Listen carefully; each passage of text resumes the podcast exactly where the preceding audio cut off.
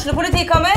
Ine Jansen er purk. Er du purk? The motherfucking bitch. Alt jeg vil, er å finne ut hva som skjedde med mannen min. Jon Carew. Er jeg sikta for noe? Iben Akeli. Det er du. Ole So, Lars Berrum og Big Daddy Karsten. Hvem sin side er du på, egentlig? Anette Hoff, Tone Danielsen, Kommer du fra Afrika? Jørnis Josef, Nesten. Kløfta. Trond Espen Seim, Det er synd å si det, men det var feil mann som døde. Purk.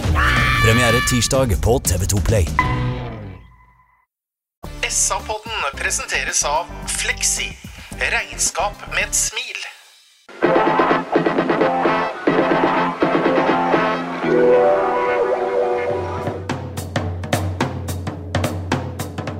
Sarpsborg Arbeiderblad gir deg en ny episode av SA-podden med Sven René Nygård, Øystein Weber, Petter Kalnes og Bjørn Inge Bingen Nilsen.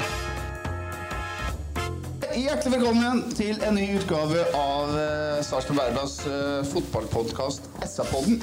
Denne gangen så sender vi fra Olsens pub i gågata, og ikke Jernbanegata som vi pleier. Her er det mye folk. uh, Bjørn Inge Binge Nilsen, som er her for å se på deg alle sammen. er det, er riktig. Jeg må også må jeg få lov til å ønske spesielt Øyvind Alsen velkommen. Han var her nemlig 9. Og måtte gå skuffa hjem. Han kom altså en måned for tidlig til gjesta til livesendinga. Men det er hyggelig at du kunne komme i dag òg, Øyvind. Ja, bra, Øyvind, at du møter opp i tide. det René Nygaard er hjertelig til stede. Du liker deg på pub, Ja, det har blitt en sånn dårlig vane, da. Men eh, det er veldig koselig her. Veldig koselig. Og det er noe rart med lyden. Ja. Og så er det vårt felles eh, orakel fra felles venn og orakel fra Vetatoppen, Ulstein Weberg. Går det bra med deg, Ulstein? Ja, hei. Også det å bli kalla orakel i den gjengen her, det skal ikke mye til. Nei. Så, så det med, hører jo med til historia, da. Ja. Så er det greit å legge til at han er glad i å være på pub, han nå. Han er også glad i å være, pub, være på pub. Jeg heter Petter Kalnes og er eh, hva vi kaller for noe ordensmann i dette noe tvilsomme ensemblet.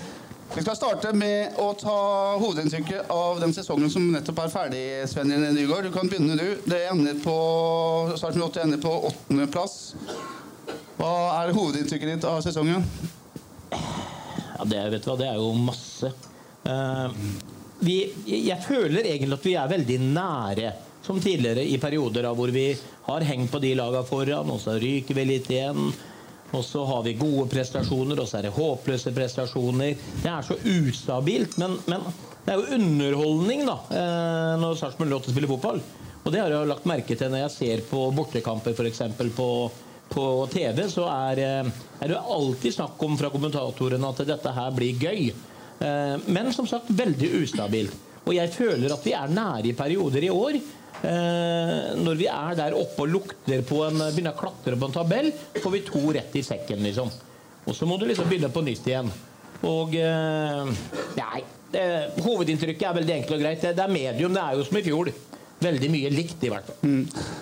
Sven tar opp uh, vingen i at uh, alle syns Arsenal spiller så fin fotball og at det er så moro å se på dem. Men uh, noen ganger så uh, syns jeg, jeg at det blir nesten for, eh, for pent og for lite effektivt. Er du enig i det?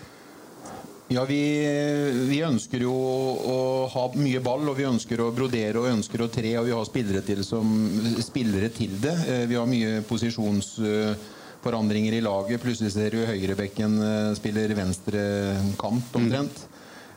Vi tømmer oss voldsomt defensivt og er veldig sårbare for brudd imot. Men når det klaffer, så er jo Vi har jo noen ka- ka- kamper som det klaffer veldig, og vi får jo 41 poeng i år.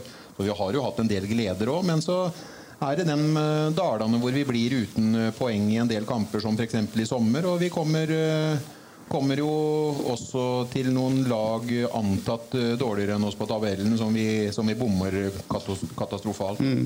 Vi går litt nærmere inn på det etterpå, akkurat det der. Men, men Sven, eh, det er et faktum at man spiller så fin fotball når det funker. Men så får man på en måte ikke nok effektivitet ut av det. da. Er man for lite kyniske på begge sider, på begge ender av banen. Eh, er det litt for kreativt innimellom det spillesystemet til, til Billborn? Ja, det kan du jo se på tabellen i forhold til innslupne mål, men, men det har vi jo prata mange ganger. Billboard spiller en fotball som er offensiv. Eh, angrepsfotballen til Billborn involverer ekstremt mange spillere. Begge bekkene. Høyrebekken kan legge innlegg, venstre kommer på bakre. Eh, og det er klart, da, da forstår alle at det, da er vi sårbare når vi mister, fotball, eller mister ball. Eh, og det er jo selvfølgelig et stort problem. Men du, det som irriterer meg mest, da, det er jo det at dere, du snakker om effektivitet.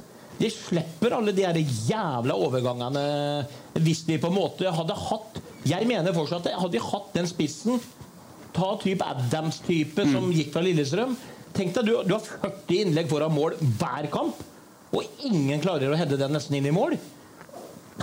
Altså, Hadde vi hatt krona det med den stjernespissen der framme, med den spillestilen og alle de innlegga, hadde hatt masse poeng.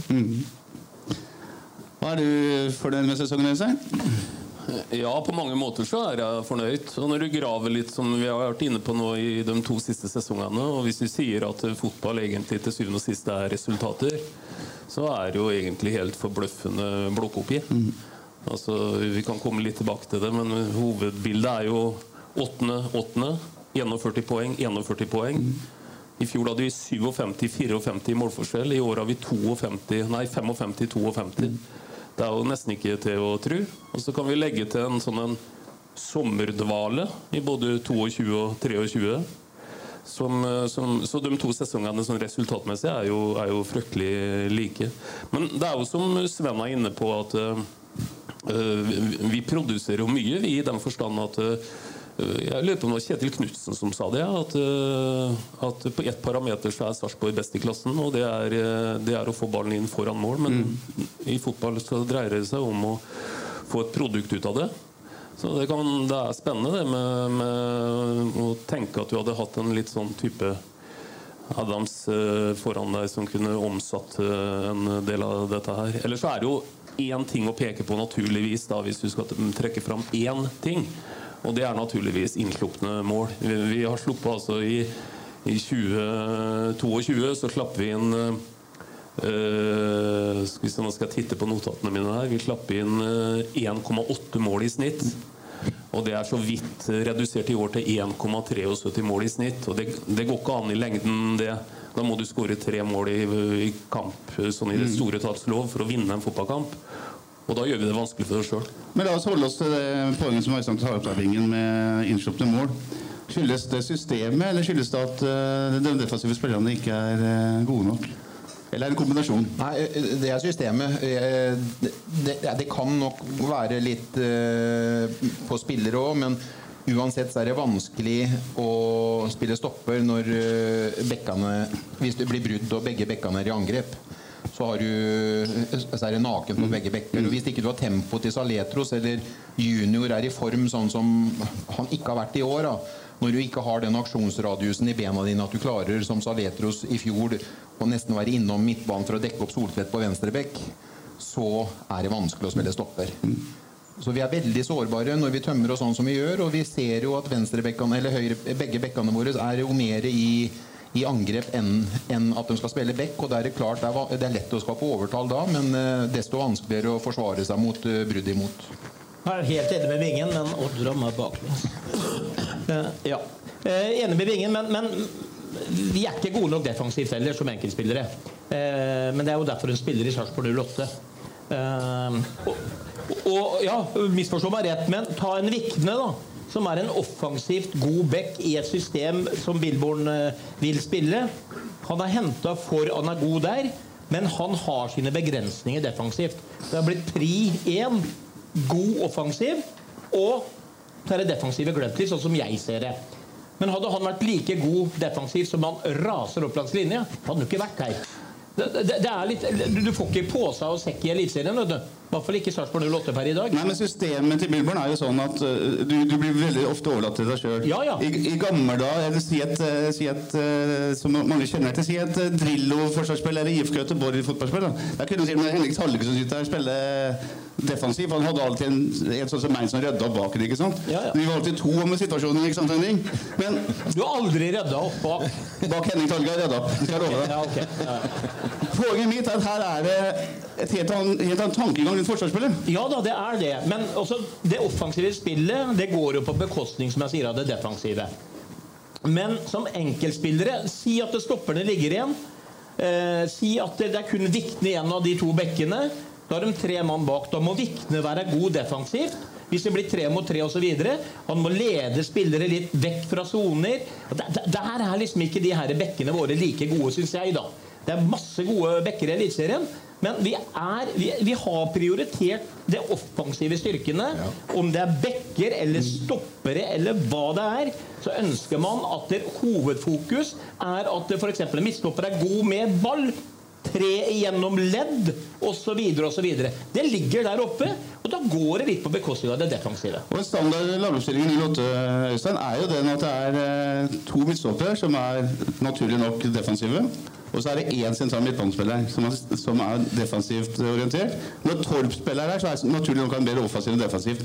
Da er det altså tre da, av ti utespillere som på en måte er mer defensive enn offensive. Det, det, man skjønner at dette her kan gi trøbbel i tårnet bakover. Ja, eller man skjønner at han slapp, men man slapp inn 54 mål i 2022 og 52 mål i, i 2023. Men, men det er litt som guttene er inne på. at Du får noe, du mister noe. Og det er noen valg her som øh, er lyden helt grei. Ja. Det er noen valg her i forhold til det òg, som, som på en måte gjør at uh, Det blir nesten litt som resonnementet til Sven i forhold til å lete etter svakheter i en spiller. Og det er svakheter i en spiller så lenge han spiller i norsk eliteserie. Er Vi er ikke komplette. Det blir litt, litt det samme resonnementet her. Altså, du, du, du mister noe i forhold til at du skaper jo altså, Hvis vi snur på det og sier at vi har skåra 100 og hva blir det? 107 mål på to, to sesonger, så er jo det mer enn det òg, faktisk. Vi har skåra 112 mål på to sesonger. Det er jo, det er jo helt makeløst bra, egentlig. Så det parameteret er ingenting feil med. Men det kommer, som guttene er litt inne på, det er en konsekvens her. Og så er det veldig viktig naturligvis da, at et, et kriterium en sikkert leter høyt og lavt etter her når det gjelder eh, spillelogistikk, det er jo folk som kan bevege seg fort. For det er klart at eh, det krever veldig mye rask forflytning for å ikke bli ytterligere sårbare da, når vi får brudd imot og vi står igjen med relativt eh, få folk. Det sier seg sjøl. Vi er på oppsummering av sesongen og hovedinntrykk av den. Vi kan ikke snakke om den sesongen her heller uten å snakke om spillelogistikk-bingen. Du er jo Sarpsborg bys selvoppnevnte sportssjef. Og evige sportssjef. Kom Aldri til å komme noen Hampus Andersen og Thomas Berntsen og kompani kan bare gå og legge seg. Eh, Kristoffer Bonsuba kom som en åpenbaring på den tida da du sa at dette kom til å bli en eh, sesong med der Sarpsborg kommer til å spille med ryggen mot Det sa jeg i februar. Det sa du i februar, ja. ja. Så kom Bonsuba, og så så alt mye bedre ut. Du har skrytt voldsomt av sommervinduet til Sarpsborg 8, f.eks. Si litt om den logistikken. Før du svarer på det, Bingen, så vil jeg bare si at jeg syns Bingen svinger fryktelig i kvalitet. Da Bingen er på sitt aller beste, da vil jeg si at uh, jeg hadde ikke blitt overraska hvis jeg hadde hørt at det var du som faktisk fant opp kunstig intelligens, f.eks. Men så har du altså perioder hvor du faller veldig, altså. Du faller veldig. Så det er som en liten intro nå til det analysen di som kommer, da, Bingen. Ja. Eh, jeg uh, syns det er vanskelig eh, for Billborn og Bjørklund når det blir uh, de utskiftningene det blir. De får aldri noe kontinuitet i det. Hvis eh, vi satt og prata om det litt i stad, eh, over en øl i formiddag, så sier vi det at eh, så, så, så, så sier vi det at Hvis du tar eksempelvis Knutsen eller Ole-Glimt, når de henter spillere der oppe, så henter de inn rollespillere. De kommer inn i kollektivet, og så blir de gode. Om de kommer fra nivå 2 eller nivå 3, så blir de gode i et kollektiv. Når vi selger Bon Suba, så forsterker vi med fem-seks spillere. Men det er jo ingen av dem som har eh, DNA til, eh, til eh, Billborn i ryggen når de kommer til oss. Vi forventer at de skal heve laget. De går ikke inn i noen roller hos oss. Men de gjør så godt de kan, og så spiller de på ferdighetene sine, som f.eks. Lundstrøm. Lundqvist. Lundqvist, ja. Lundqvist. Og, eh, og det blir aldri noe kontinuitet i, i laget vårt i forhold til at det, vi avgir spillere. Og nå er vi jo i et eh, prekært eh, vindu igjen. Hvor vi kanskje mister både fem og seks spillere. Og det skal hele tiden nye. Ja, det går å erstatte én som skal inn i en rolle, og det går med to. Men hvis du skal gjøre det fem-seks ganger, og kanskje i sommervinduet i tillegg til at du gjør det på vinteren, så blir det tøft for en spiller å klare å utvikle, utvikle laget. Da. Det er veldig godt poeng han har der, syns jeg. Se, Bingen har jo poeng innimellom. Det der med rollespillere. I Sarpsborg så henta man en Lundqvist som kan spille på Han kan spille spiss, han kan spille tierrolle, han kan spille på kant. Sånn er jo flere av dem. Torp, litt av det samme. Eh, savner du at man på en måte rendyrker rollene og henter folk som går rett inn i den spesifikke arbeidsoppgaven som Billborn ville at de skulle utføre? Nei, egentlig ikke. For Billborn vil jo at spillerne skal vandre. Han vil jo at den venstre kan skjærer inn og gjøre seg spillbar når andre er markert. At man kan rase litt rundt og ha ball. Molins blei aldri noen suksess. Han blei jo henta bl.a. som en type spiss som var god med ball. Behold ball, ball, ball i laget. Så, så det er bare filosofien til Billborn, tror jeg. Så det må vi bare regne med. Og så er jeg enig i Bingen og alt det han sa, men Altså, jeg har jo fulgt det laget like lenge som Bingen. Jeg vet du, og det, er, eh, det har jo vært utskiftninger hvert år siden si, Ålesund Brann. Ja, det, det er jo det samme hele tida. Men problemet nå er Men, men det som jeg sa Men åssen kommer vi videre, Sven? Ja, kommer vi videre? Nei, vet du hva? Hvis jeg sier at det snør, så sier du at nei, det snør oppover, sier du. Ja, ja. ja, det, det, ja men skjønner du hva jeg mener? Nei. nei, videre? Nei. Nå er det nye tider, vet du, Bingen. Det har kommet en ny sportsløp til byen nå. Eh, men, men, det blir spennende nå da med Hampus. Hvordan tenker Hampus og klubben videre nå? Eh, spisser staller. Selvfølgelig, Du får en kjempejobb å finne fotballspillere. Skrive kontrakter så de har litt å gå på, og ikke mister alle i løpet av, av vinteren osv. osv. Jeg tror det her kan bli veldig spennende, men er, det jeg er redd for, da, det er at hvis fem av de gutta forsvinner, får vi fem like gode tilbake. For det er dårlig tid. vet du. Det bekymrer meg. Men jeg gleder meg til fortsettelsen. Og klarer de å finne fem erstattere på høyt bra nivå som er like godt, så ser jeg veldig framover videre. Men Geir Bakke brukte begrepet rekruttskole om Sarpsborg 8s vinter. Eh, Øystein han følte at når man begynte å trene tidlig i januar, så var det som å komme på rekruttskolen. Det var en hele var folk som uh, knapt nok hadde hatt på seg grønne uniformer. Og så skulle de bli soldater i løpet av tre måneder. Og begynte på nytt hver gang. Ja. Det er jo det samme som skjer her, egentlig. Ja da. Og, og, så får vi håpe at vi trekker det i litt mindre grad. Men dette er jo en del av fotballen. Det er dette som er fotball. Fotball er kjøp og salg, det er overgangsvinduer, og der kommer vi til å være hele veien. Og så er det selvsagt uh, gunstig hvis en slipper å, å, få inn en helt ny tropp, naturligvis, som på rekruttskolen. Men at det ligger elementer av dette her. Og når klubben sier at Eller Hampus sier at vi, vi ønsker ikke å komme dit igjen. At vi skal komme i en situasjon hvor fem nøkkelspillere har utgående kontrakt, så er det litt ønsketenkning òg. Det er ikke noe automatikk i at vi ikke kommer dit igjen. Fotball er kjøp og salg, det er forhandlinger. Det er at du setter deg ned med en ny en som du skriver en toårsavtale med. Og gjør du det med flere, så går de ut eh, høsten 25. Mm. Og da er vi der igjen. Så, så, sånn er på en måte det. Men, men, men, men, optimalt, det kan vi jo være enige om at det ikke er. Men eh, men det er en del av businessen, gutter. Men du mener at det er vanskelig å komme utvikle det rett og slett, Biggen? når det er sånn?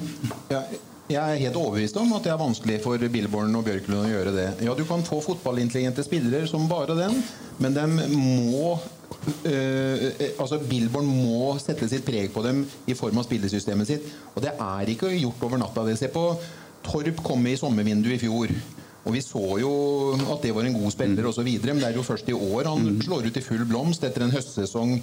Og han har kommet som et skudd i år. Det må få eh, bli kjent med gruppa, det må bli kjent med omgivelsene, det må bli kjent med stadion, det må bli kjent med spillesystemet osv. Og, så og hvis det blir for mye utskiftinger Jeg sier to og tre stykker er kjempefint, men hvis du skal skifte ut uh, halve laget Eh, nesten hvert sommervindu og, og, hvert vintervindu, så blir det for tøft for en, en, en trener å få det til. Men da er det grunn til å være optimist, eh, Sven, med tanke på at Seknini, Sandberg, eh, Kasa altså disse kom har fått en uh, Tebo skal være her neste år. Altså, alt blir tydelig på at den blir bli bedre. Da. Ja, ja. Og de tar steg for hver trening, dem nå.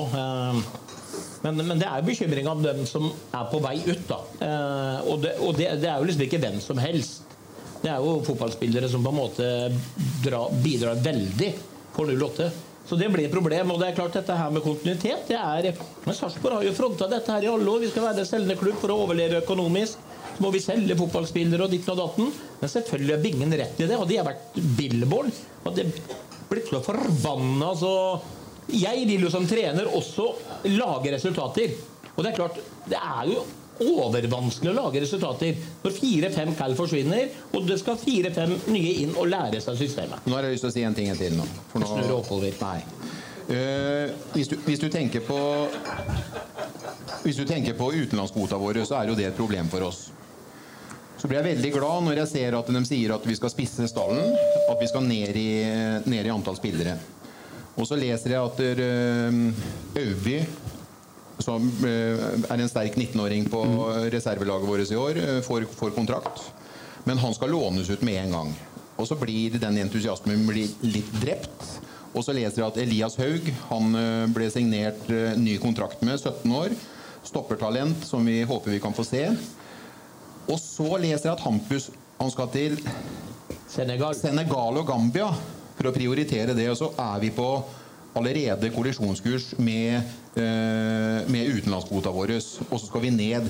Jeg skjønner ikke hvordan det skal gå. Jeg er ikke bedre at vi Nå er det opplest og vedtatt at vi eier en del eh, nede Oslo Fotball Academy, eller hva det er for noe. Men kan vi ikke på en måte komme ned? Kan vi ikke la de guttene som er på idrett her i byen eller i regionen vår som vi tiltrekker oss, kan ikke det være guttene som får lov til å eh, eh, trene med A-laget? Hvis vi har 20 pluss 2 keepere i en stall, så blir det skader på noen, så kan vi få opp én og én. Det er sånn jeg kunne godt tenkt at klubben kunne vært utvikla i forhold til at vi må se noen norske talenter istedenfor at vi skal ha problemer med å fylle utenlandskvota vår hver eneste gang. Men da går vi jo Derfor glipp av litt- Bonsuba, kanskje, Ja, men- da, Bingen. Ja, men Sven, Det er mye penger. ja, men det er sånn én gang hver tredje år. Jeg Syns ikke du det hadde vært fint å sett uh, barnebarnet til Leif eller uh, Jo! Du må ikke se på meg, det piper hver jævla gang.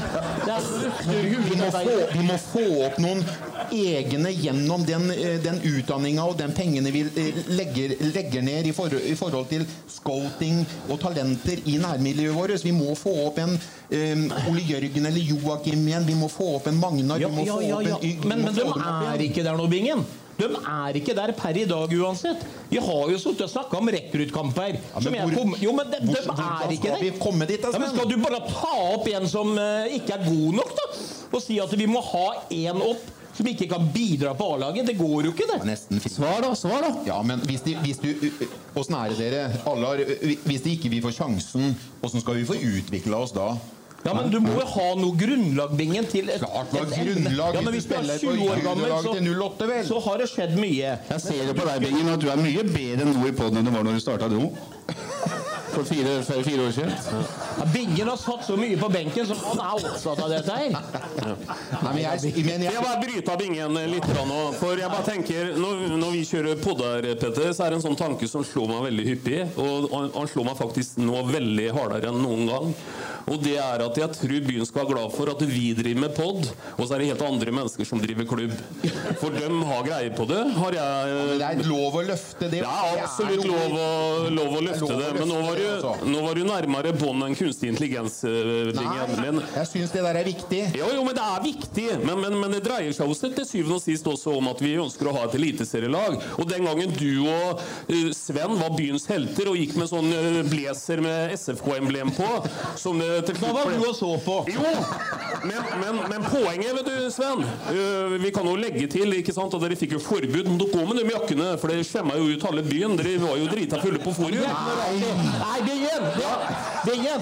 For det første drakk vi litt. Men det, når det gjelder den jakta. Husherrebingen med det SFK-emblemet, det var som en A5-ball. Ja, ja. Så du kunne ikke bøye deg, for hele jakka var liksom sånn Ja, ja. firkant. Så den hadde vi lov til å ta. Ja, ja, men, men alvorlig snakka, folkens. Bingen ble arrestert, han. Nede på torvet. Han skulle inn på Bogards, han hadde kjærlighetssorg. Det det endte med, det var at, det, det var at Rune Arneberg, han eh, som da var operativ den gangen der, han eh, tok med seg Bingen. Og, så, og det Bingen faktisk fikk da uh, forbud mot, det var å bevege seg i den delen av byen, faktisk. Han, uh, han ble ikke sendt hjem. Jeg kunne gå på drikk. Du kunne gå på Dickens. Men du skulle ikke trekke nedover mot uh, der. Herregud. Og det var uh, Men hadde ikke det var, den tids, det var den tids toppidrett, dette. Ja. Men hva hadde det med spørsmålet mitt om Nei, jeg er usikker. Jeg er usikker. Hva var spørsmålet? Nei, hva var spørsmålet? Hva var spørsmålet? Jeg fortsetter med, med logistikken her. I Bergen så har uh, lagkaptein til Brann Sivert uh, Helte Nilsen to ganger i, løpet av sesongen ja. lefla litt med andre klubber. Han skulle til Elfsborg i sommer, for da var, det noe, var han ikke fornøyd. Og så er det én situasjon nå som han sier at hvis ikke det blir sånn og sånt neste år, så stikker jeg et annet sted. Han har fått huden full av kjeft. Eh, Anders Pamer i Bergenstidene, som eh, er sportskommentator der, han har bedt, eh, bedt dem fjerne kapteinspinnet fra overarmen hans. Her i byen så ser vi nå en lagkaptein for eksempel, som gjennom hele høsten har sagt at han elsker å være i Sarpsborg, men, men, men, men. Det sier de alle sammen som har på utgående kontrakt. Spørsmålet mitt Øystein, er vi i ferd med å bli for snille? Nei.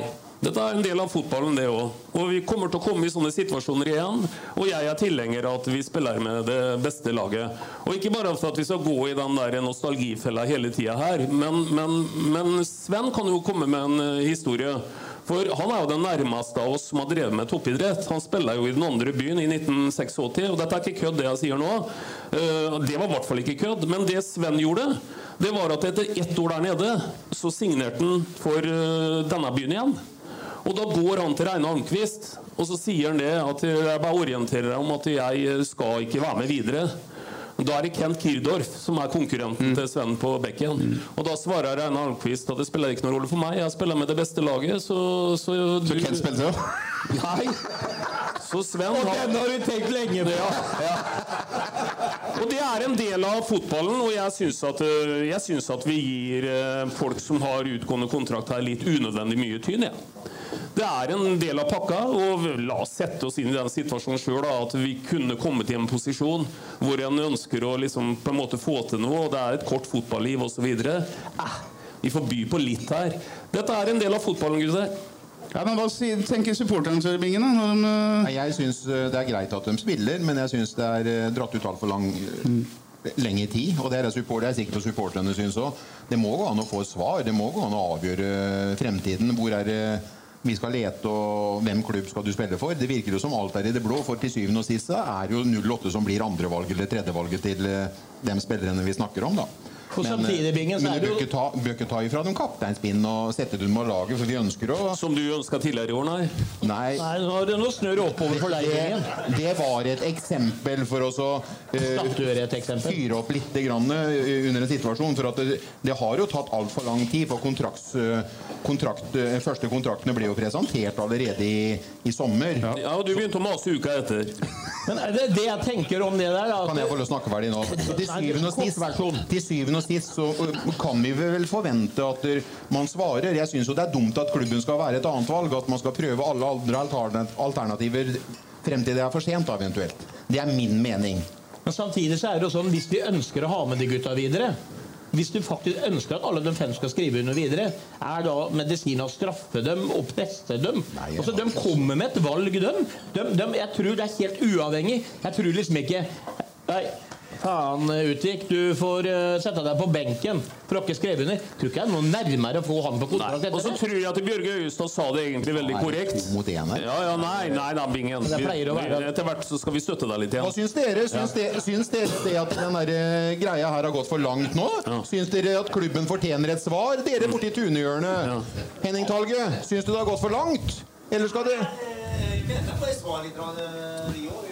Ja, det gjør det. Ja, men det skal jo komme etter hvert. Men jeg syns at Bjørge Øyestad sa det ganske bra da han uh, sa noe om dette her i høst. For han sa at det er klart vi kan fremprovosere et svar, sa han Bjørge, men da fremprovoserer vi et nei. Så det er jo på en måte å ri de øh, hensyna der, da. Og på en måte prøve å Og jeg tror, vet du hva jeg er, øh, Det er mulig, Bingen, at dette tror ikke du noe på, men jeg tror at det foregår ting i kulissene som ikke vi har 100 oversikt på, altså. Det tror du? Ja, ja, men det det var litt hørtes veldig rart ut, syns jeg. Ja, ja, ja, ja. Sesongen eh, eh, 41 poeng som Sarpsborg 8 fikk i år, det gjør faktisk at eh, nå er Sarpsborg 8 tidenes beste eh, fotballklubb i Sarpsborg. På adelskalenderen så er man nå gått forbi SFK. Eh, Åtte poeng foran Sarpsborg fotballklubb har Sarpsborg 08 nå. For de har fått 446 poeng i Eliteserien så langt. Nå har jeg hørt mye meninger fra dere. Nå skal jeg ha to meninger sjøl. Jeg er nemlig så drittlei et par begrep som blir brukt bl.a. av dere nissene i denne poden. Du har sagt det begge orda allerede, Sven. Du sier at uh, vi er en selgende klubb, sier du. Ja. Så spør jeg hvilken fotballklubb i verden er, ingen, er ikke selgende klubb? Det er ingen. Hvis den arabiske staten kommer til Real Madrid og sier at jeg skal ha, dere, dere får 6 milliarder kroner for Jude Bellingham, så blir han solgt. Real Madrid selger han. Og fotballøkonomi handler om kjøp og salg av spillere blant mye annet. Så derfor vil vi slutte å snakke om at vi er en selgende klubb. Det syns jeg blir bare helt meningsløst. Jeg helt enig. Og det snak, da snakker vi sagt 8 ned. Og det andre, som du også sier hele tida, Sven Er det meg du kjører deg, så? Faen, er det to år svaret? Er du, er du på dem? Ja, jeg er på laget til Petter. Du sier, du sier da Det er tre mot Hør nå, I stad snakka jeg om Eirik Vikne, Ja. som var best eh, offensivt, litt Ja. svakt defensivt. Ja. Og sier du derfor spiller han i Sarpsborg 8. Ja. Derfor har ikke han et annet sted. Ja, men hvem andre fotballspillere i verden har ikke den situasjonen? Hvis øh, han eh, Ja, kom igjen, da. Har du ikke røva deg? Hva heter Lind- Lindeløv? Lindeløv mista bare Manchester United. Hva kalte du den? Lindeløv. Au! Hør på hva han sier. Hadde han vært bedre, så hadde han spilt i Real Madrid. Selvfølgelig. Hadde du vært bedre, så hadde du spilt på Ja, Yre. Etterpå er det cupfinale. Ja. Patrick Berg kommer til å løfte pokalen til Bodø-Glimt i løpet av kvelden. Er det noen som skriver at han er i Bodø-Glimt av en grunn? For han er nemlig i Bodø-Glimt av grunnen. For han er- er i Bodø-Glimt fordi han var for dårlig til å spille i Frankrike og ble henta tilbake igjen. Ja. Så Vi må slutte å snakke om at de er i Sarpsborg 08 av en eller annen årsak. Nei, ja, men For når Thomas Berntsen henta Pascal Lundqvist til Sarpsborg, så sier han at Pascal må restarte karrieren sin, så han kommer til oss pga. det. Hvorfor skal han unnskylde seg for å spille i Sarpsborg 8? Nei. Jeg syns det er helt meningsløst. Ja, ja, ja. Og du bør ikke forsvare deg, for jeg, jeg, rett. det får jeg vel ikke lov til. Nei, hold kjeften din nå. Neste tema vi skal ta, er eh, det faktum Øystein, at det svinger noe voldsomt av dette laget. Vi, har, eh, vi kan bruke eksempel på kampen mot Sandefjord i år. 2. juli ble det Sandefjord grisebanka på stadion. Eh, 6-1. Det kunne vært 10. Eh, 35 dager etterpå så taper Sarpsborg 8 1-5 i eh, ja, Ikke i Bugårdsparken, men i hvert fall borti Sandefjord der. Hvorfor blir det sånn? Storstadion. Storstadion i Sandefjord. Ja. Nei, det vet jeg ikke. Og kanskje akkurat den bortetappet der, det er det vi kommer nærmest i år jeg vil kalle en kollektiv mental kollaps. Eh, Det er, det er eh, ekstremt svakt. Eh, vi- kan bryte ned mange resultater i år. og vi kan jo se på sånne moderne begreper som expected goals osv., hvor en egentlig får lite betalt. Men akkurat det som skjer i Sandefjord, og spesielt etter at eh, vi får 2-1 og 3-1, det er egentlig uakseptabelt, tenker jeg nesten. I forhold til at eh, det er eh, folk, profesjonelle folk her, og, og folk som sitter her, ikke minst, brukere av midlene sine for å gå på stadion og støtte dem. Så, så den, den kampen skiller seg veldig ut. Grunnen til at jeg svarer sånn, det er egentlig at jeg syns ikke det har vært malen i år, egentlig. At, øh, at, øh, at den har liksom på en måte knekt sammen sånn mentalt. Men den kampen, den, den Ja, ett et av seks poeng mot HamKam, nå. Selv ja, men, bildet. ja men, men det er noe helt annet igjen. Vi styrer butikken mot uh, HamKam i store Ta på et Ålesund. Ja, ja. Og, og, og det, er, det er ikke godt nok. Og, og øh, sannheten er jo at uh, den tapte topplassering, den ryker jo i år mot de presumptivt svake lagene. Eh, Du nevner HamKam, vi kan nevne Stabæk, vi kan nevne å tape mot Ålesund, som du sier, osv. Ikke minst de taper to ganger mot Godset. Det er et lag vi egentlig bør um, pelle noe mot. da. Så, så, så der ryker jo egentlig og Tilbake igjen til det Sven svarte på i stad. Han skal liksom komme med en sånn headliner på denne sesongen. Det er en litt sånn nesten, og du føler nesten sånn i ordets rette forstand, egentlig. Vi er veldig nære, på en måte. Og det blir egentlig godt uh, illustrert når vi ser at uh, Jeg har plukka fram ti kamper uten å gå i detalj på dem, hvor vi tar fem poeng av 30 mulige. Og alle de laga er eh, er lag som vi før sesongen hadde tenkt at her tar vi 20 av 30 poeng. tenker jeg. Det hadde jeg vært fornøyd med. Og alle vet jo hvordan det hadde gått hvis de hadde lagt på 15 på sluttstatistikken. Så, så der ryker egentlig medalja i år, da. Ja, mot uh, de seks båndlagene som har tatt 19 av 36 poeng. Eh, mot topp 6, som har tatt 12 av 36. Så, men eh, mye poeng har øket mot eh, de ansatte. Ja, bare for å bare understreke det, da, og det er derfor jeg sier at den er på storstadion, som vi kaller det, Petter, men nå heter det vel noe annet, da, på stadion til Sandefjord, det, det var en slags sånn mental kollaps. Når vi f.eks. taper 5-2 borte mot Godset, bare for å trekke fram en enkeltkamp, da greier Godset det kunststykket å skåre fem mål på 1,2 expected goals. Det er antagelig noe i nærheten av en verdensrekord. Det, på godt gammeldags fotballspråk så betyr det at alt gikk inn den dagen der. Og, og det er jo gjerne sånn, Bingen, du er jo en gammel, habil keeper, at noen ganger så får du jo litt hjelp av stolpene, og du får jo litt marginer med deg. Den, den dagen der var en dag hvor ingenting eh, spilte på lag. Så, så, så, så, så sånne dager vil dukke opp, og, og det, det må vi på en måte kunne, kunne leve med. Så, så, så noe av det går også på det elementet der. At, eh, ja. Men Sven, du er jo poddens selvoppnevnte psykolog og er opptatt av det mentale i fotballen. Eh, Er det det vi ser når man taper for Ålesund i Ålesund, f.eks.? Ja, veldig enkelt svar ja. Altså, må... Har jeg lyd i dette? Nei. Nei? Det jævla batteriet ditt røker, vet du. Jeg sa til deg at du må bytte før. Men det, det gjør ikke noe, det. Altså, det er ganske meg. stor slitasje i gruppa nå eh, innad i podden, så vi kan klare oss uten Sven resten. av. Eh, jo. Og så.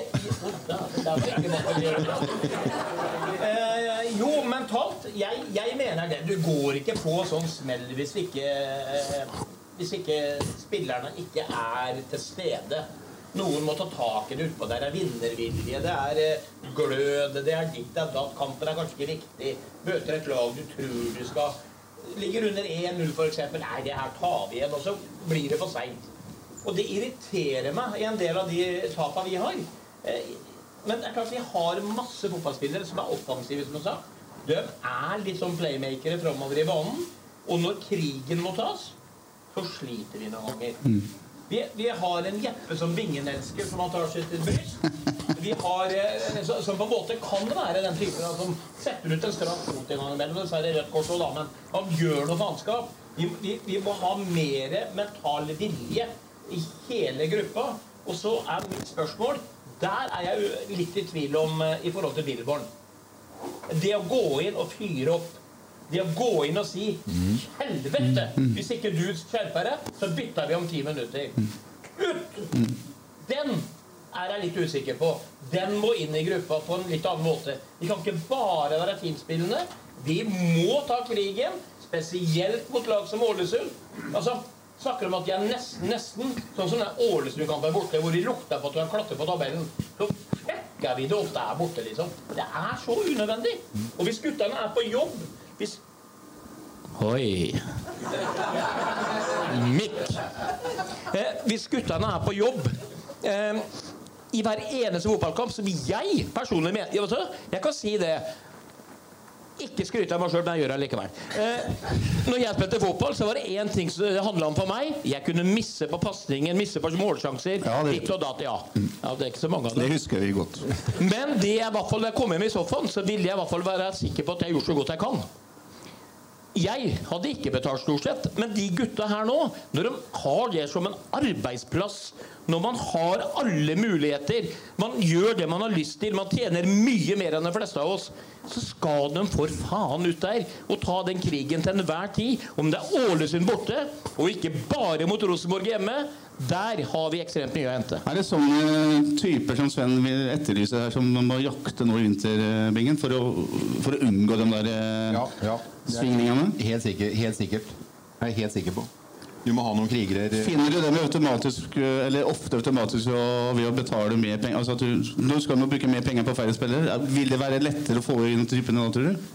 jeg, jeg, er helt overbevist om uh, i et system så vil det bestandig være eh, forskjell i, i, i lønn. Og presentivt eh, dem som fortjener mest lønn Anton Sal- Saletros eh, er en type som eh, på en måte heva laget. Vi skulle erstatte han med Jeppe Andersen, og den ligninga der, den går ikke opp, dessverre. Og da har vi det problemet igjen, Petter, som jeg var inne på. fordi jeg er veldig enig med Bingen. Vi skal finne de defensive, gode spillerne som går inn og tar den krigen, men som samtidig skal passe til Billborn-fotballen. Så er det jo ganske komplett, ikke sant? Og det er ikke så lett å få tak i på vårt nivå. Og snakker jeg ikke ned 08, som du sa jeg gjorde i stad. Men skal de være den krigeren som vinner alle dueller sentralt på midtbanen og tre gjennom nøkkelpasninger er, de, de er leie å få tak i, altså. Ja, for det er jo en grunn til, en grunn til at de er i 08, ikke sant? Ja, Petter. Men, men, men 08 det, det, det, handler ikke om 08, men det handler om norsk fotball. Det, det man sier, de beste spillerne de er jo komplette. Har, hvor mange komplette fotballspillere har vi i norsk eliteserie? Om du ser på Bodø-Glimt for den saks skyld. Det er jo ikke mange av dem. Og, og så handler det om økonomi. Det koster penger å få tak i dem. Og så må de ha lyst til det. Og det er jo selvfølgelig en jævla stor stige å klatre på. Men det som går an å si med Bodø-Glimt, det går an faktisk an å hylle dem. For at de var på et dårligere nivå på starten av vår karriere i 08 enn det, enn det 08 noen gang har vært ja, ja, ja. De, de, de, siste åra. Og når de starter, så skaper de økonomien sin sjøl i form av at de etablerer seg. De spiller litt ute, de får en trener som de har tro på, og de har et system de har tro mot. De bytter aldri ut mange, men når f.eks. han Bjørkan forsvinner, når ikke Ørjan Berg, men Patrick, Patrick Berg forsvinner, Lode forsvinner osv. Så, videre, så mislykkes de i utlandet, så er de ikke redde for å bruke penger på f.eks. Sette det litt høyt opp, så går 08 20 millioner, kan vi lese i avisene, i overskudd i år. Det er 20 millioner som de bruker på sign-on-fee. Bare på å hente hjem de spillerne som mislyktes i Europa. Så bruker de ca. 20 millioner i sign-on-fee på tre spillere for de har tro på å hente dem hjem. Og da uttaler eh, daglig leder i, eh, i, eh, eller klubbdirektør i Bodø-Glimt det er ingen i Bodø som er tjent med at vi har penger på bok. Ja, vi satser, men vi skal ha dem hjem. Det koster. De skal ha samme lønna som de hadde i utlandet, og vi gir dem en sign-on-fee for å komme hjem. Vi tjente penger på dem når vi solgte dem, men regnestykket kom dårlig ut. Men de spiller om plasseringer i Eliteserien. De får penger ut ifra det, og de spiller om plasseringer i Europa og får penger ut ifra det. Derfor er det et lokomotiv nå som bare kjører mm. på, fordi at de har hatt tro på det de gjør. De har ikke hatt noe, ja, det de har gjort. De har ikke hatt noen rike onkler som har eh, skuffa inn penger, eller noe trøym som har tatt et underskudd på 42 millioner i Vålerenga i fjoråret osv. Det er bare å ta av seg hatten. Vært fantastisk dyktige. Og så har de vært innovative og fremoverlente og turt å satse. Men de har vært en seddende klubb. Ja, for guttene vil ut. Men når de mislyktes, så tok de dem hjem igjen, Sven. Ja, og ja, da har du kontinuitet. Men jeg har bare lyst til å ønske Øystein Weberg velkommen til podden. Nå var Bingen egentlig ganske bra igjen. Nå var han oppe og nikka under eh, kunstig intelligens. På slutten her så ble det mye rør, men eh, det første delen av innleggene syns jeg var, eh, var uh, brukbart, uh, Bingen. Og jeg ville egentlig bare understreke det. Vi skal ikke lage det til noe Bodø-Glimt-pod på noen som helst måte. Men, men, vi må titte til dem som lykkes. Og jeg syns at de som ikke skjønner at Bodø-Glimt bør være en inspirasjonskilde for oss, de skjønner ikke hva dette her er snakk om. Og jeg skal bare dra en liten parallell til det. Eh, da vi var oppe og hadde en gjestevisitt i Eliteserien med Roar Johansen før vi røkka ned med relativt klar margin Da Da var det bra sportssjef, da. Ja, da var den tida du regjerte, Bingen. Men, men da, da, var jeg jo så bortekampen mot uh, Rosenborg.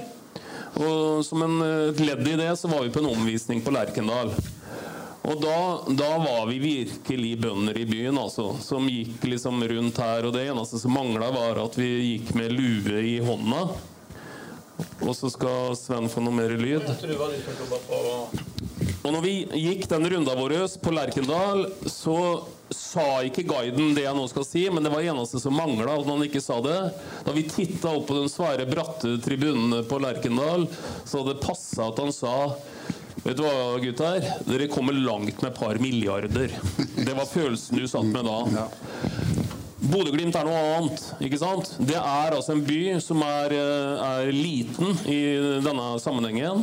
Som var rødlista i, eh, i eh, NFF-systemet og var helt bankerott. Røkka ned i 2016. Og, og, jeg har sjøl vært på kamp på Aspmyra hvor vi skåra fire mål og vant 4-3, og er sånn passe fornøyd. Mm. Bodø-Glimt var ikke noe som ligna på en maktfaktor i norsk fotball. Og så gjør de det mulige, det umulige mulig, på en måte.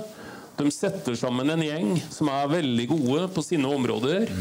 Og, og, beviser egentlig at uh, det er mulig å ikke nødvendigvis måtte tilhøre en storby for å kunne uh, få resultater i norsk fotball. Så vi må bare hylle Bodø-Glimt, altså, for dem kan vi sammenligne oss med. Jeg må bare få si det, Petter, for det, det er jeg helt enig med Veberg i. Men det som er rart, er fotball svinger. Fordi Jeg jobba nede på VIP-avdelingen på, på stadion. Eh, det var 2017 eller 2018. da hvor Bodø-Glimt kom på besøk, og jeg intervjuer Bjørkan eh, som trener da, før kampen. Og spør han hva tenker du om 08. Og så sier han ydmykt Vet du hva? Vi er litt her for å se og lære av Sarpsborg 08. Mm. Ikke sant? Så, så, så, ting svinger. Og jeg tenker at Bodø-Glimt har truffet så ekstremt. De har ikke tatt en Lester, men de har truffet med ansettelse av trenere, eh, støtteapparat og hele pakka.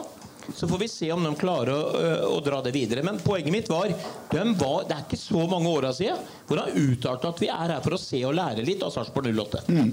Bra. Det var en hyllest av Bodø-Glimt som uh Fortjent òg, egentlig. Fortjent, ja. De sitter vel sikkert veldig pris på det når de skal forberede seg til cupfinale, at vi snakker om Bodø-Glimt. Mens folk sitter og vil høre hva vi mener om Sarpsborg 08.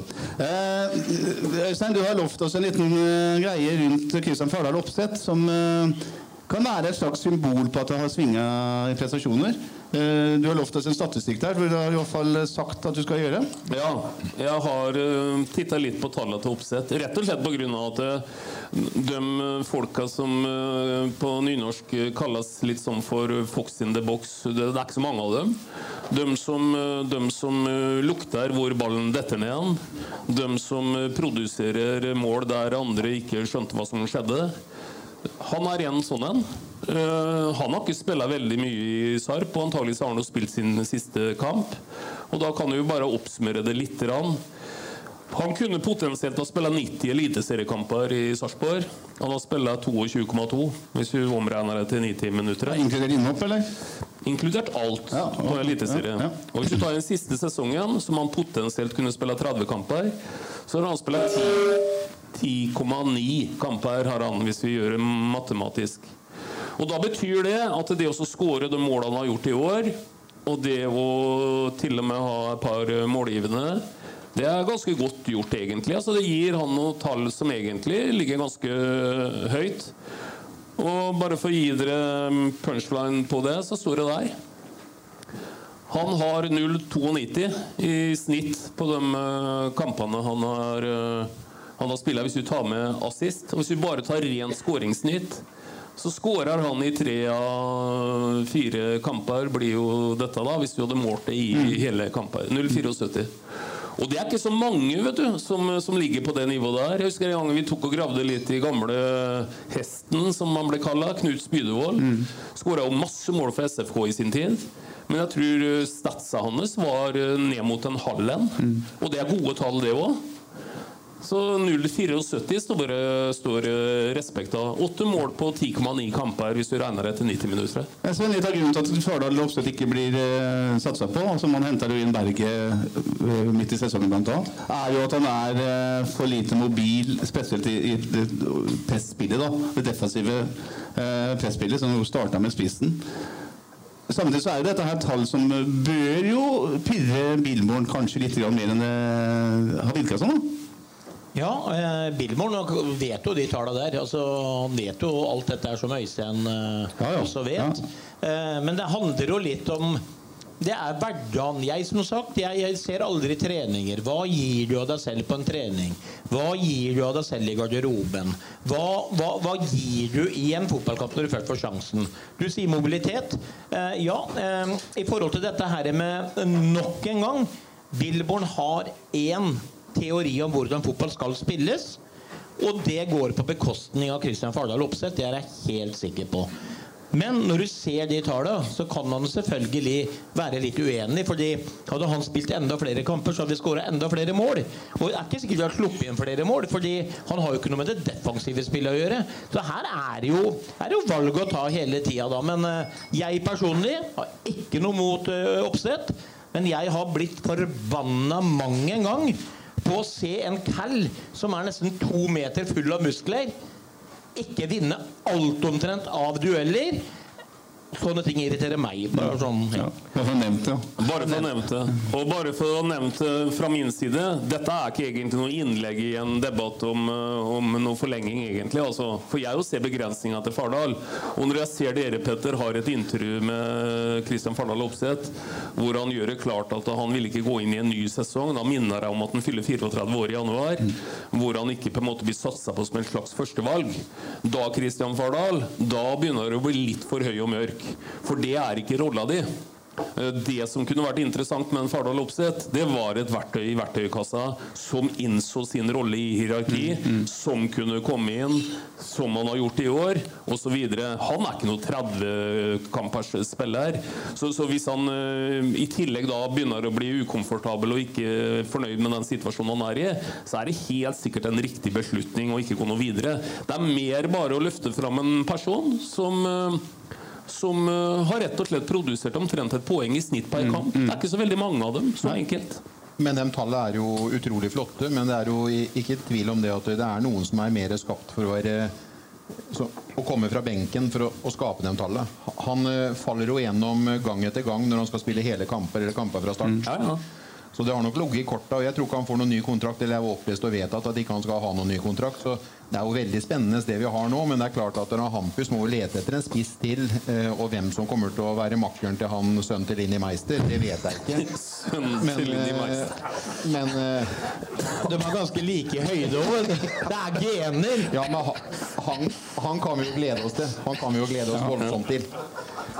Faen, han flyter på Ja. Hvis, eh. Nei, Bingen, hvis hun har sønn til Linni Meister nå, da slipper jeg vel muligens en hemmelighet her. Da er vel du faren, da? I og med at han er høy og mørk, ja. Ja, det, er, det er Bingen eller Hoås som antageligvis er faren her. Det var bra poeng, Stein Weberg. Ja, Som vanlig gode poeng herfra. Akkurat da tror jeg kanskje jeg hadde innrømt det. Ja, vi går På grunn av Linni?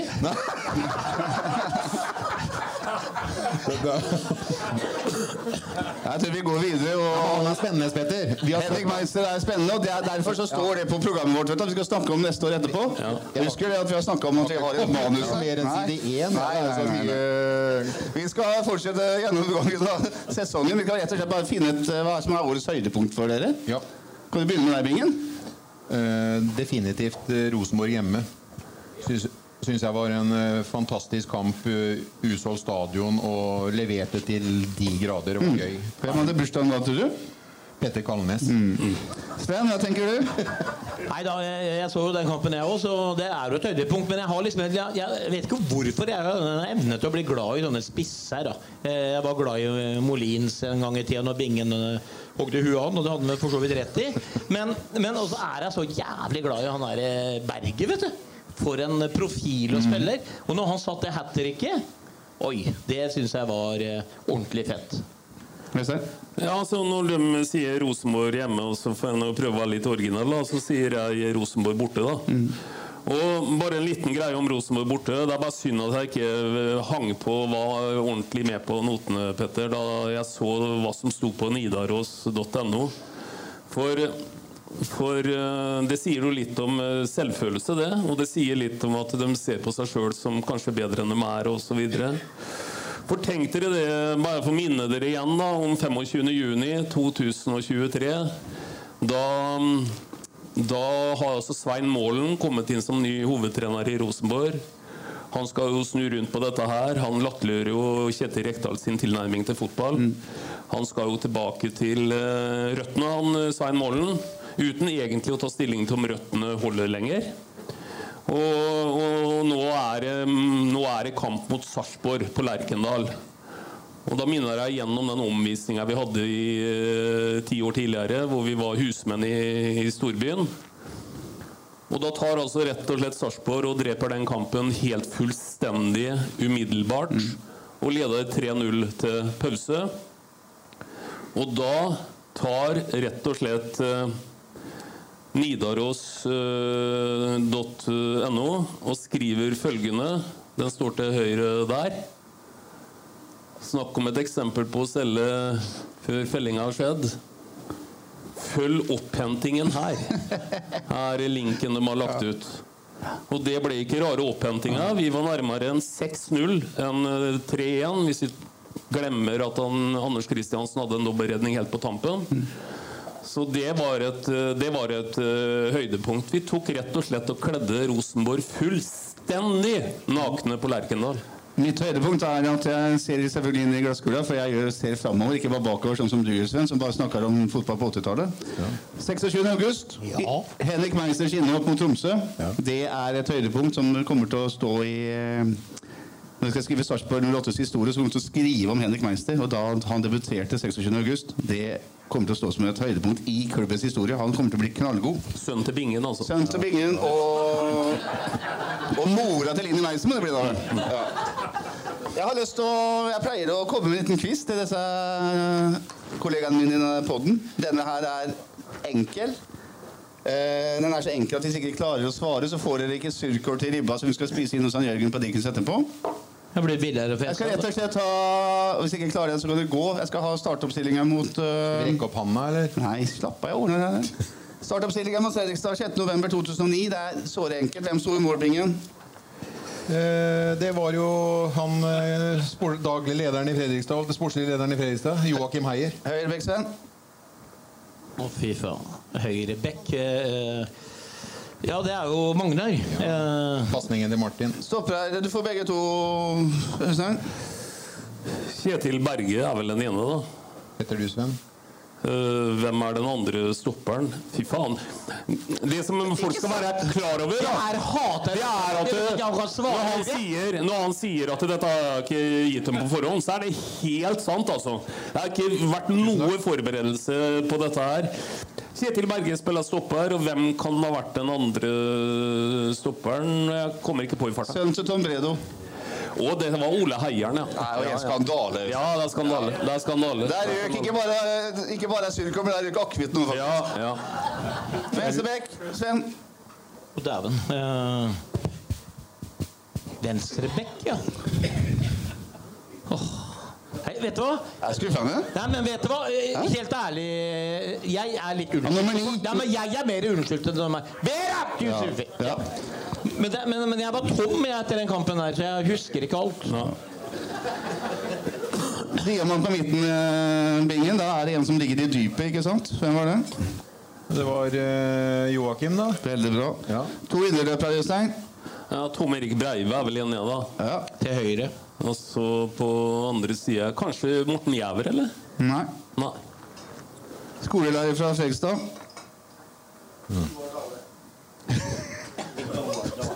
Joar Dale er forslag fra Tor Ja. Faen, jeg husker jo, vi henta han fra Nei, men gutter. Jeg har glemt navnet òg, vet du. Bjørnar Johannessen, der røk poteten nå. Ja, Bjørnar, ja. Den dype spissen eller eh, offensiv midtbanespilleren, Sven? Danske aner. Ja, det er han. Mikael Ja. Bra. Og de to spisserne er enkle. Heter du Sven? Ja, jeg heter Sven. Spisserne. Sven Veberg Martin heter jeg. Lidko, Øyvind Hovås. Ja, bra. Jeg syns ikke dette er veldig imponerende. Jeg synes det er rett og slett litt Du eh, skal få igjen, eh, Petter. Jeg lover at du skal få igjen. Takk skal du ha, Øystein. Vi går videre. Uh, hvem er årets spiller, Bjørn Inge Bingen-Nilsen? Ja, Der er jo ikke lov til å Har du skrevet i manuset til oss at vi skal si likt navn? Så da åpner jeg ballet, og det er Viktor Torp. Ja, men det her er ikke kødd, folkens. Han skriver i manuset. eh, Det ligger vel mye i Viktor Torp. Du kan ikke sitte og si Victor Torp. Men det er fint om noen har det andre. Da tar jeg tibling. Som Bingen sa i stad. Nei da, det er Viktor Torp. Ja. Hva er det som er så bra med Viktor Torp? Øystein? Det er masse som er bra med Viktor Torp. Han er vel det nærmest vi kommer en komplett fotballspiller i 08. Og vi skal være veldig glad tilbake igjen til Bingen. Da. Jeg må bare ta en gammel historie om Bingen. Den er jo utgitt i bokform, men bare illustrerer på en måte litt at uh, hele byen skal bare applaudere at Bingen sitter her og ikke har noe med noen ting å gjøre. Han fikk en gang et mandat han vet du, fra styret i, i 08. Han skulle selge makta til Åne. Og da, da, sa styret rett og slett til Bingen at når du setter deg ned med forhandlinger med Nordstrand på Molde, så skal du akseptere 800 000. Det, det godkjenner vi. Det sier litt om hvordan fotballen har utvikla seg. En stor stjerne var de fornøyd med at det skulle gå for 800 000. Bingen satte seg ned og forhandla, og så erfarte han veldig fort at han hadde en jævlig dårlig kjemi med han eh, Nordstrand. Så når han Nordstrand sa Nordstrand Jacobsen het han vel, eh, Bingen? Ja. Tarjei Nordstrand Jacobsen. Ja. Han, når han sa vi byr 800 000 så sa Bingen 'ikke snakk om', sa Bingen. Og så slengte han igjen boka, og så gikk han. Og da var han jo langt ute på vidden, ikke sant? for dette kunne jo endt med ingenting. Og på den tida der så var jo Sarpsborg helt avhengig av de, av de midlene der. Og nå føler jeg at jeg snakka meg helt ut på viddene, så jeg huser egentlig ikke, ikke Vi fikk jo det endte med at vi fikk eh, to millioner. Ja, ja, nettopp. Nettopp. nettopp. Vi fikk to millioner. Ja, ja. ja, Men Bingen, var, var ikke du sportslig leder i gangen vi hadde en eh, sånn afrikansk prøvespiller eh, oppe i SFK? Jeg mener det var deg da òg? Men problemet var at når han kom opp der, er husherre så han, Nei, han, han, ville ikke spille med fotballstøvler. Så han spilte på treninga barbent. Nei, det ble ikke noe suksess. Nei, det er ikke meg, vel. Det er, nei, de henta han Momo, han Latyr Diagne eller han, han ja. henta vi jo ja. til, ja. Mamadou. Ja. Til, han, Mamadou, han henta vi jo til uh, SFK. Mm. Du fikk to mil. Men hva er eh, Fra afrikanske spillere uten sko tilbake til Viktor Torp. Eh, er det en reell farebingle at han har vært så bra at det kommer en eh, storfisk og vil ha noe i løpet av vinteren? Tror du? Viktor Torp? Ja. Det, det, er jeg helt overbevist om. Altså, han har jo vært linka til Tyrkia én gang. Mm. Og han er sikkert et navn fortsatt som det prates om. Eh, tydeligvis så er han veldig fornøyd med å være her. Han er jo den som sier at han er fornøyd med å være her. Og er veldig fornøyd, og han, og han er jo her. Han, er jo ikke på utgående kontrakt eller noen ting. Så med mindre det kommer en klubb og legger penger på bordet som uh, Hampus uh, sier at det er ok for oss, lykke til, Viktor, så tror jeg han kommer til å spille kontrakta ut her. De har sagt at de skal selge dyrt hvis de vil selge seg. Altså, her må det komme mye penger på bordet. Hva er mye penger for Viktor Torp? Eller nok penger for Viktor Torp? Nei, Jeg håper at tallet ligger uh, da oppimot Vi må titte litt uh, andre konkurrenter osv. Og, så og i norsk målestokk uh, Det går an å drømme om mellom 40 og 50 millioner. Ah.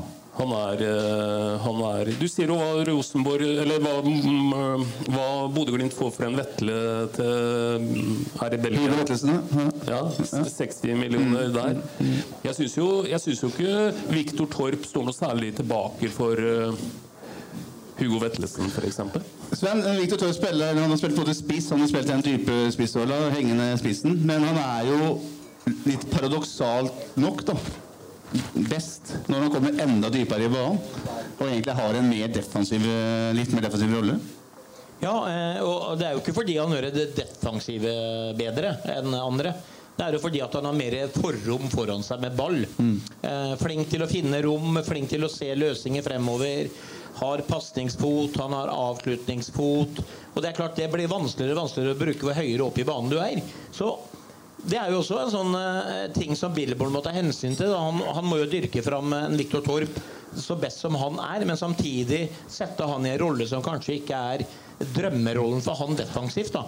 Fordi Det går jo på bekostning av noe der òg. Noen tversoverpasninger, noe at ikke han plukker opp folk. Men selvfølgelig, hvor mer rom Viktor Torp har foran seg, hvor bedre blir mm. Bra. Vi er altså enige om at Viktor Torp er eh, årets spiller i Sarpsborg 8. Det kommer han også til det, eller det er han også på bl.a.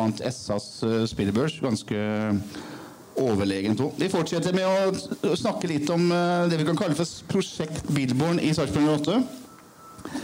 Eh, hvis vi ser de fire siste sesongene, da, så i 2020 så tar eh, Stefan Stare Nei, Mikael Stare 32 poeng og får tolvteplass.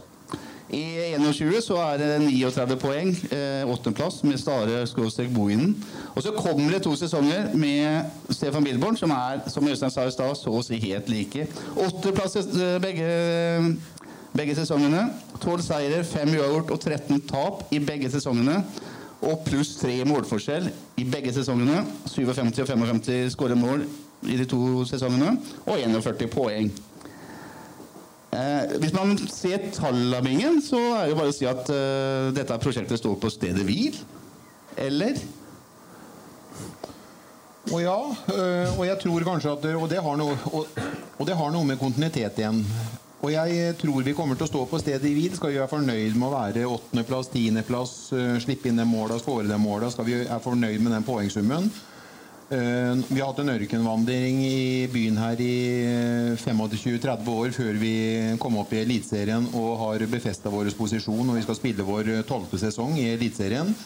Eh, Vi kan være fornøyd med det å gå på stadion, men eh, for Billborn så blir det vanskelig å skape et slagkraftig lag så lenge hvert vindu blir et eh, voldsomt press og jag på spiller ut og spiller inn. Se, ser du utvikling i laget, Sven? Nei, det er klart at eh, Når du får de eksemplene på skåra mål, innslupne mål, poeng osv., så, videre, så så er jo alt det der rett. Det står jo på stedet hvil nå. Men, men jeg, jeg er veldig positiv i forhold til altså, Vi må ikke glemme at bl.a. vi i podden og eh, mange av de som sitter her, satt for et par år tilbake og hylla måten vi drev fotball på.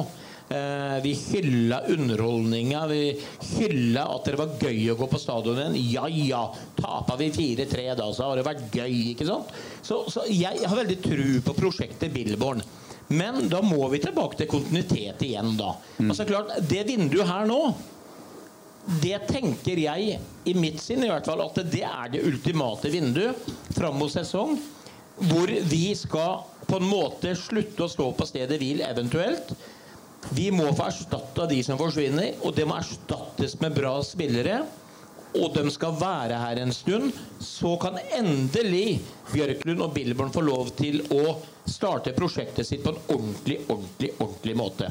Og hvis, hvis det skjer, at vi er heldige med det vinduet, som sagt, og ikke står ribba tilbake, så tror jeg dette her vi kommer ikke til å sammenligne neste sesong med åttendeplasser, samme målforskjell osv. Og, og 41 poeng. De kommer til å bli jævla mye bedre. Vi som har levd en stund, Øystein, har jo som, som Biggen sier, er eh, drømt om å se eliteseriefotball eh, i byen vår. Jeg husker jeg reiste jeg var på Hamar og så Jan Åge Fjørtoft debutere i Eliteserien. Så interessert var jeg for å se eliteseriefotball. Forferdelig kamp, forresten. Jan Åge Fjørtoft kommer til Hamar og får eh, en biffrett oppkalt etter seg, bl.a. Biff à la Fjørtoft. Han var 18 år gammel og langt hår. jeg. Poenget mitt 40 år, vel. Mellom uh, SMKs nedrykk i 73 og at vi er oppe igjen. Skal vi ikke være fornøyd med at vi er etablert, eh, solid etablert eliteserien? Jo, selvfølgelig skal vi være det som et utgangspunkt. Det er jo helt makeløst det vi har fått til her i byen. Og da må jeg bare igjen trekke litt linjer i forhold til det. Eh, Når vi i, i 2007 mer eller mindre berga plassen pga. at det var litt regnskapsrot på Toten, for den som kan huske det, så, så går vi inn i 2008-sesongen. Og vi klinker til med et hårete budsjett som eh, noen sikkert rista på huet av. Med fasit i hånd så var det for høyt òg. Det gikk på dundrende underskudd på 16 millioner. Ja. Eh, Nå er vi nigangen eh, på omsatte midler i, år. Det, det, det er bare helt fantastisk eh, utvikling. Og hvis dette prosjektet er på stedet hvil, og det er jo på mange måter 8 mot 8, 41 mot 41, lik målforskjell, alt det der, så er det jo i så fall sted, på stedet hvil på et veldig akseptabelt nivå. Ikke sant? Det må vi ikke glemme. Og jeg tenker det at hvis vi hvis vi er i posisjon, og jeg mener at vi er omtrent i en sånn posisjon at vi hver tredje-fjerde sesong kanskje kan være oppe og klore mm, som Tromsø gjør i år. da. Og Hvis en går tilbake og ser på historikken, så er det mange sånne lag som eh, Det er litt sånn up for grabs, den derre bronsemedaljen Mm. osv. Haugesund har vært der. Ranheim til og med var og lukta på en periode. Vi var der i 2017. Det vil være Da er vi på et godt sted i livet, altså. Hvis vi greier å etablere oss eh, som en sånn basic der vi er nå. Og da vet alle at den, den avstanden opp til en eh, fjerde, tredje, til og med sølv den, den vil du innimellom eh, være å klore på. Og så tøft er dette her at det er egentlig makeløst bra. Men det blir en vane, dette her, Vingen. Nå er vi vant til å være i Eliteserien. Uh, kan du til og med bli litt sånn småblasert her? At vi ikke setter nok pris på det? For oss som sitter her, så er det ikke en vane. Vi har opplevd eh, forferdelig mye motgang eh, ifra 73 da, eh, i byen. Uh, Men for den eh, oppvoksende generasjonen som begynte å gå på stadion med, med faren sin uh, da vi gjorde vårt inntog for eh, 11 år siden, eller eh, 11 og et halvt år siden i Eliteserien, dem har blitt godt vant. Den nye generasjonen som bare har opplevd at vi er på det nivået her sånn. Så, men vi som sitter her, vi, vi er nok mer glad for at vi får en åttende- og tiendeplass og spiller i Eliteserien og kan treffe guttene våre eh, og kameratene våre og venninnene våre og familien og, og forenes på stadion eh, annenhver søndag. For det er helt fantastisk, Sven, når vi drar på stadion og ser Jeg syns i hvert fall det. Jeg ser folk fra alle klubber i distriktet med 08-drakt. Jeg ser det, den, den identiteten som det her bringer inn til oss eh, sarpinger. Altså, fotball er viktig. Det er ekstremt viktig. Det er, fotball er viktig for hele byen, for folk, for næringsliv, for uh, you name it.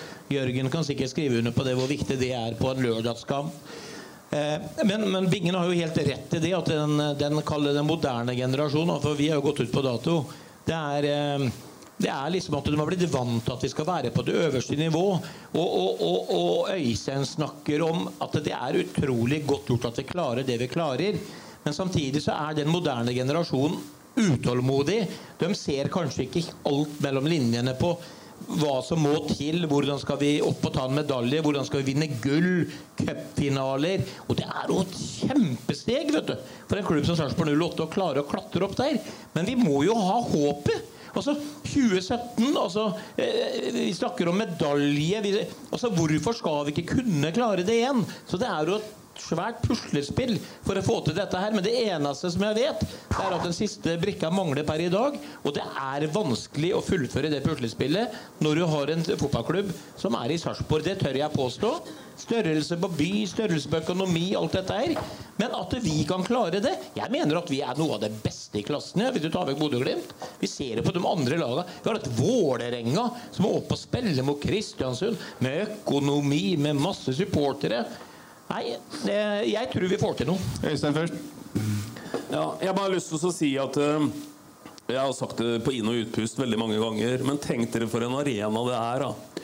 Når, når det kommer 5000 mennesker på stadion, og hvilken annen arena er det som favner ytterste venstre til ytterste høyre fløy politisk?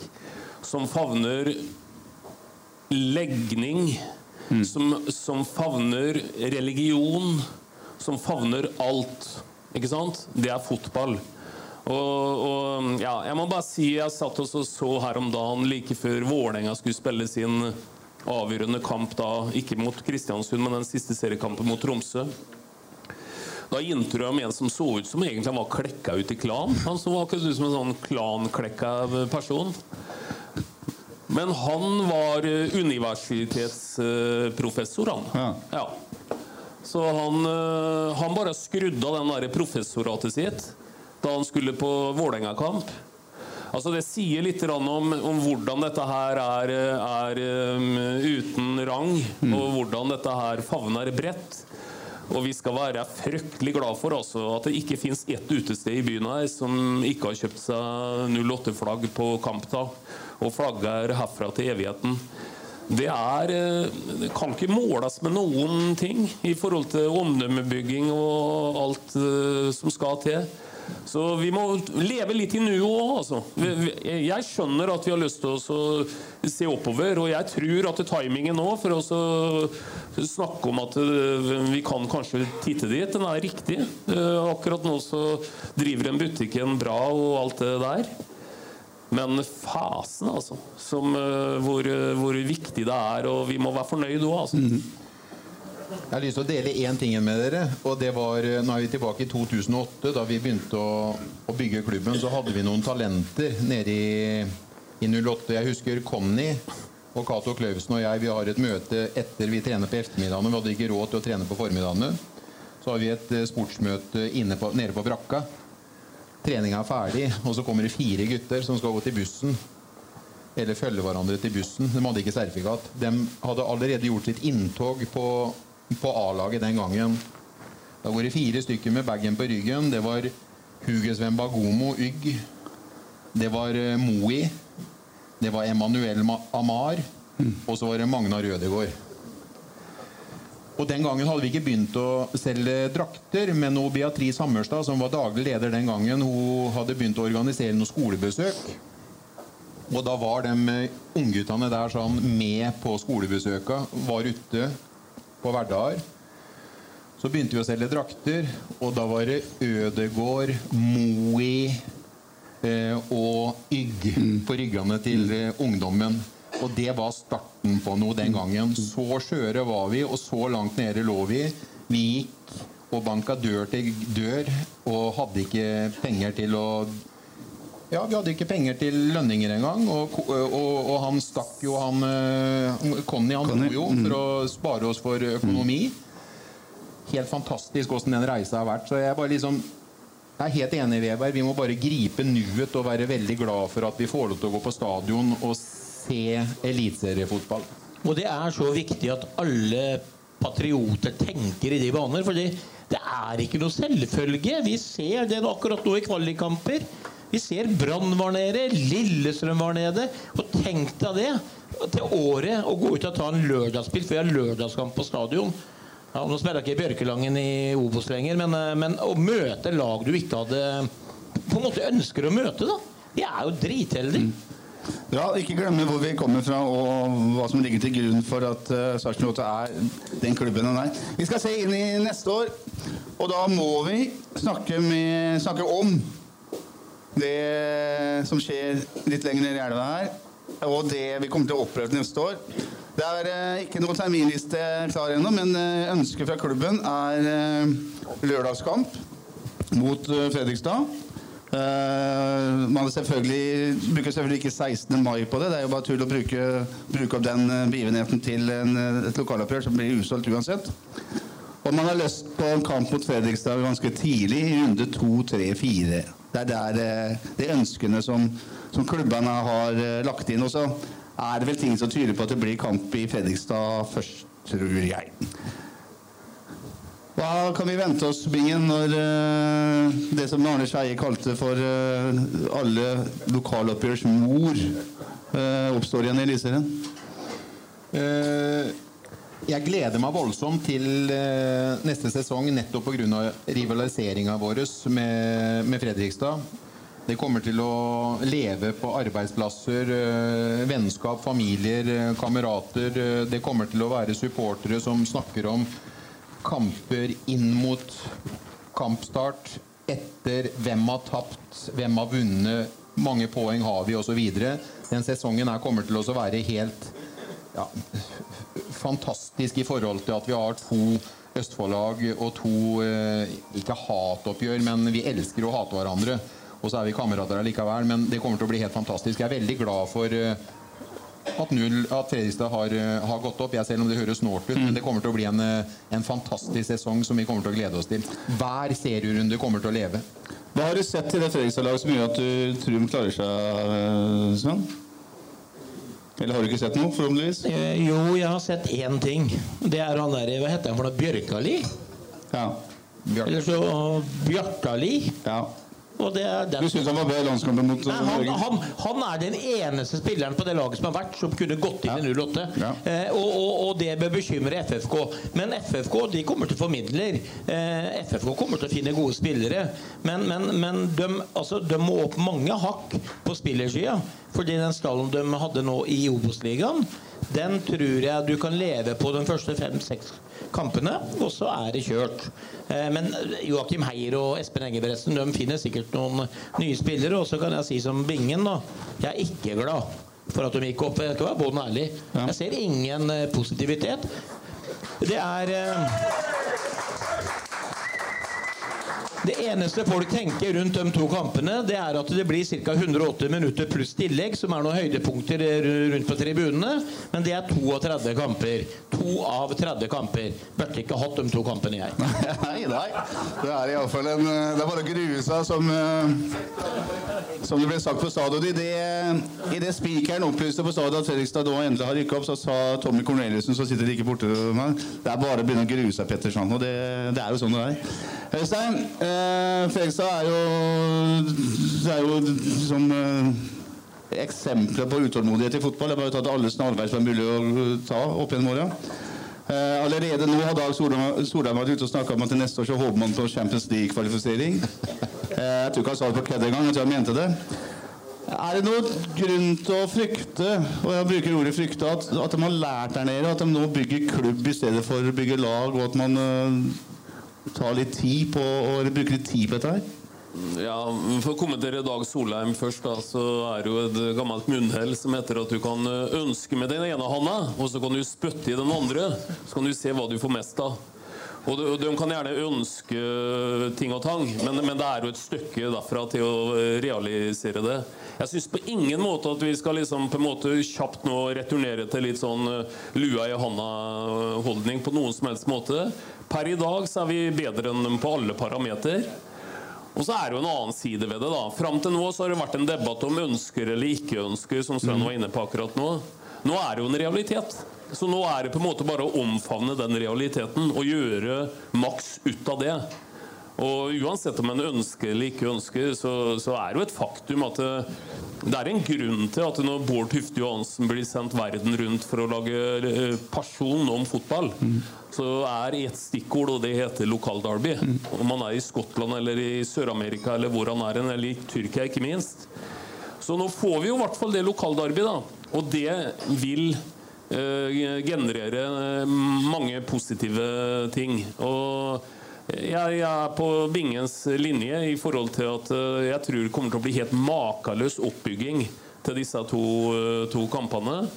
Og gleder meg rett og slett som et uh, lite barn. Jeg sa vel aldri at det, at det ikke kunne bli makeløs oppbygging. Jeg jeg hadde ikke lyst på den kampen uansett. Det er eh, Og det er bånn ærlig, det. Ja, ja, ja. Det er eh, Jeg ser ikke noe fortjeneste. Noen flere penger inn i kassa på en hjemmekamp. Ja, vi skjønte det. Jeg er veldig glad for at eh, Fredrikstad rykka opp som avismann, som skal selge aviser. Men som gift med Fredrikstad-jente og har familie i Fredrikstad, så ville jeg gjerne vært de kampene foruten, jeg òg. Helt enig. Bra. Vi kan se fortsatt inn i 24. Hampus Andersson og eh, vår venn Raymond Fjellbingen snakker om eh, medaljeambisjoner. Uh, uten at man, uh, og de sier det lenger før man vet hvordan laget blir. Uh, litt nye tanker, kanskje? eller? At man er såpass uh, breiale? Det er jo i hvert fall offensivt. Hans Petter Arnesen river seg sikkert i håret når han eh, hører, men det er jo offensivt eh, å si det. Og det er jo gledelig for oss som er eh, supportere og eh, som bor i byen. Eh, om det er gjennomførbart, så må de eh, komme med noe kjøtt på benet. Og hvordan vi skal komme dit, det er jeg spent på. Eh, legger de hodet litt på blokka når de sier sånne ting, Svein? Nei, men vi er jo ikke så veldig dårlig vant til offensiv tenking. Altså, jeg intervjua Thomas Berntsen seks år på rad, og det er jo ute i Europa hvert jævla år. Eh, det, det skjedde jo ikke, det heller. Eh, men, men de, de må jo vite noe, ha en feeling når de går ut og tenker på dette her.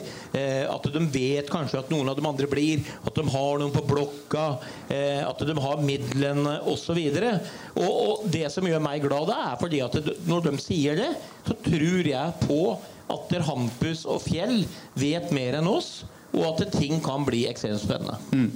Bra. Vi gleder oss til eh, 2024. Det kan bli et, eh, et heftig fotballår, dere. Og ja, det kommer til å bli eh, mye moro snakk rundt eh, møtene med FFK. Som alle podder så skal vi avslutte med en eh, overtid. Og nå skal vi snakke om det som Sven René Nygaard er mest glad i i alt her i verden, i tillegg til en og annen eh, Borg-pils, nemlig VAR. Sven, eh, vi har fått VAR i norsk fotball. Har det gitt oss noe som helst som du vil si er positivt? Ja, eh, negativ gåsehud. Eh, Det er eh, vært helt Vet du hva? Eh, Altså, for meg så kunne VAR helt fortsatt, da. Sånn som jeg eh, elsker fotball. Det kunne vært satt opp en målteknologi. Er ballen innafor målstreken eller ikke? That's it. Nå er det spekulasjoner, og vi har prata om det på inn- og utpust. Lag skårer. Eh, supportere og spillere er litt usikre på om de skal juble, for den er tight. Nå skal vi lese, nå skal vi vente. Så snakker vi liksom ikke om, om eh, 20 cm offside de tar på streker. Vi snakker om under centimeteret. Om det er høyre skotupp, venstre eh, ankel, eller hva faen det er for noe. Og, og, og så har du hands-regler, og så sitter det noen Altså, unnskyld. Noen utrolige nisser i de her varebussene. Klarer faen ikke å tolke den samme regelen, noen av dem. Den ene kampen er det straffe. Begynner klokka 18.00. Straffe til Ålesund. Se på Molde klokka 20.00. Samme, men enda verre. Ikke straffe. Og det er liksom kan folk bli glad i det her, da? Altså, Det er jo ikke noe impulsivitet lenger. Det er ikke noe, det er ikke noe sånn spontan glede, for det ligger noe i bakhuet hver gang det er et fotballmål. Hvis ikke en kommer alene med keeper og dribler seg fra egen femmeter og skårer, så er man i tvil om er dette et riktig fotballmål. Ikke, jeg, jeg, jeg, nei, vet du hva? Jeg, jeg orker ikke. Har du med blodtrykk? Nei. Har du med blodtrykksmedisinen din, Ja, for Det tenkte jeg på nå, Petter. For jeg eh, vet jo at Sven har faktisk litt for høyt blodtrykk. Så jeg ble, ble faktisk litt bekymra nå. Men du ser brukbar ut, eh, Sven. Du Sånn, ja. Nei da, men eh, Sven er jo inne på mye av det sentrale. Kanskje det mest sentrale er akkurat det der med at du har den reservasjonen i at du jubler. For etter hvert så får du på en måte innarbeida at dette skal sjekkes på en eller annen måte. Men det aller verste her er jo, i mitt, eh, mitt syn i hvert fall, er hens-regelen. Hva er hens? Nei, vet du hva, jeg, jeg, Det er håndball, ikke håndball, men hva er det for noe? Jeg, jeg, bør ikke, jeg syns som Sven eh, oppsummerte det ganske Altså, du vil ikke snakke om det, du? Bør ikke Nei, snakke om nei, det. nei, nei. Jeg behøver ikke det nå. Det er greit. Men er det ikke helt håpløst, da? I fot, altså, fotball handler om å sparke ballen, og du skal ikke bruke hendene.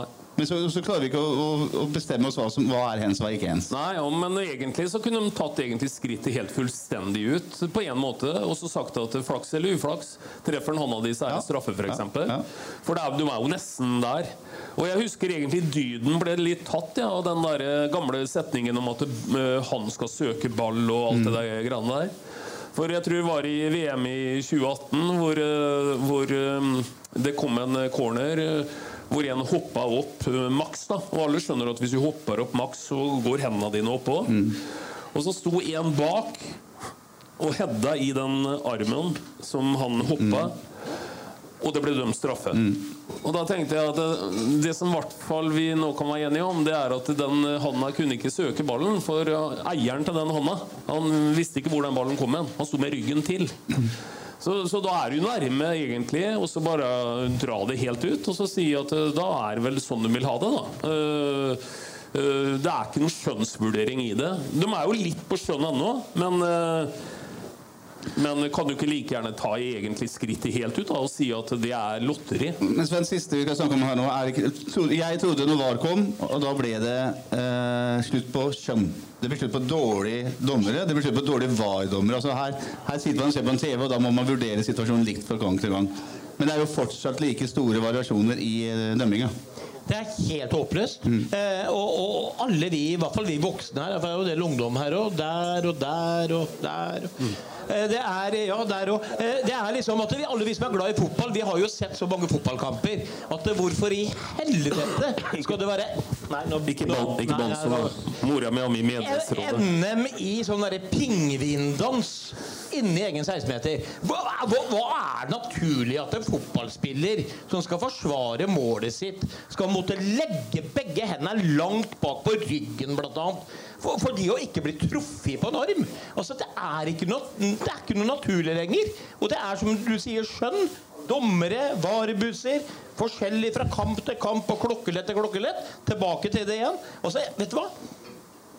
Og, vet du hva, Jeg hadde gitt hva som helst jeg, om bare hadde stått i VG i morgen tidlig. VAR er borte. Ja, det er bra, Sven. Vi skal snakke det tror jeg ikke å snakke så særlig med var, eh, om VAR med deg i framtida. Men det vi alltid gjør når vi avslutter en pod, det er jo å tippe neste kamp. Og nå gjør vi det litt mer avansert. Jeg vil gjerne ha tabellplasseringa til uh, Sarpsborg 8 i 2024-vingen. Det er vanskelig. Jeg vet jo ikke hvem vi skal spille med engang. Men jeg kan jo si at Kan jo si at vi tar bronse, da. Sven? Bingen bare snakka for publikum, vet du. Men eh, jeg, jeg tror at det, det blir dessverre ikke noen medalje, men jeg tror jaggu vi tar en fjerdeplass til året, og så bare bygger vi videre. Øystein? Nei, Da skal jeg stikke fram haka ordentlig, da. Så jeg sier at vi tar sølv i 2024.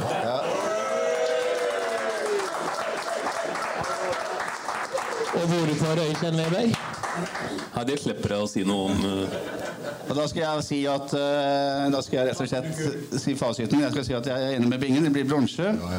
Og hvis dere lurer på hvordan det går med Fredrikstad, så spiller de eh, kvalifiseringskamp om å gå ned. Hør nå. Leder lenge i den andre kampen. Første kampen er uavgjort. Leder lenge i andre kampen. Slipper inn to mål på tampen og røkker ned. Og det er så deilig! Oi, oi, oi, oi, oi! Vi så, Og, og kvalikkampen kommer til å bli mot Egersund. Ja. Skal jeg sette på den god jul-sliden nå? Vi sier eh, takk for at dere kom på Olsens pub. Takk for alle som har eh, hørt på. Og så lover vi å komme tilbake med nye podder utover vinteren når det begynner å skje ting i Sarpsborg 08 igjen. Takk skal du ha. Herlig.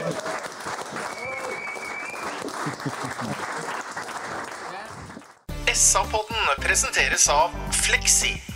Regnskap med et smil.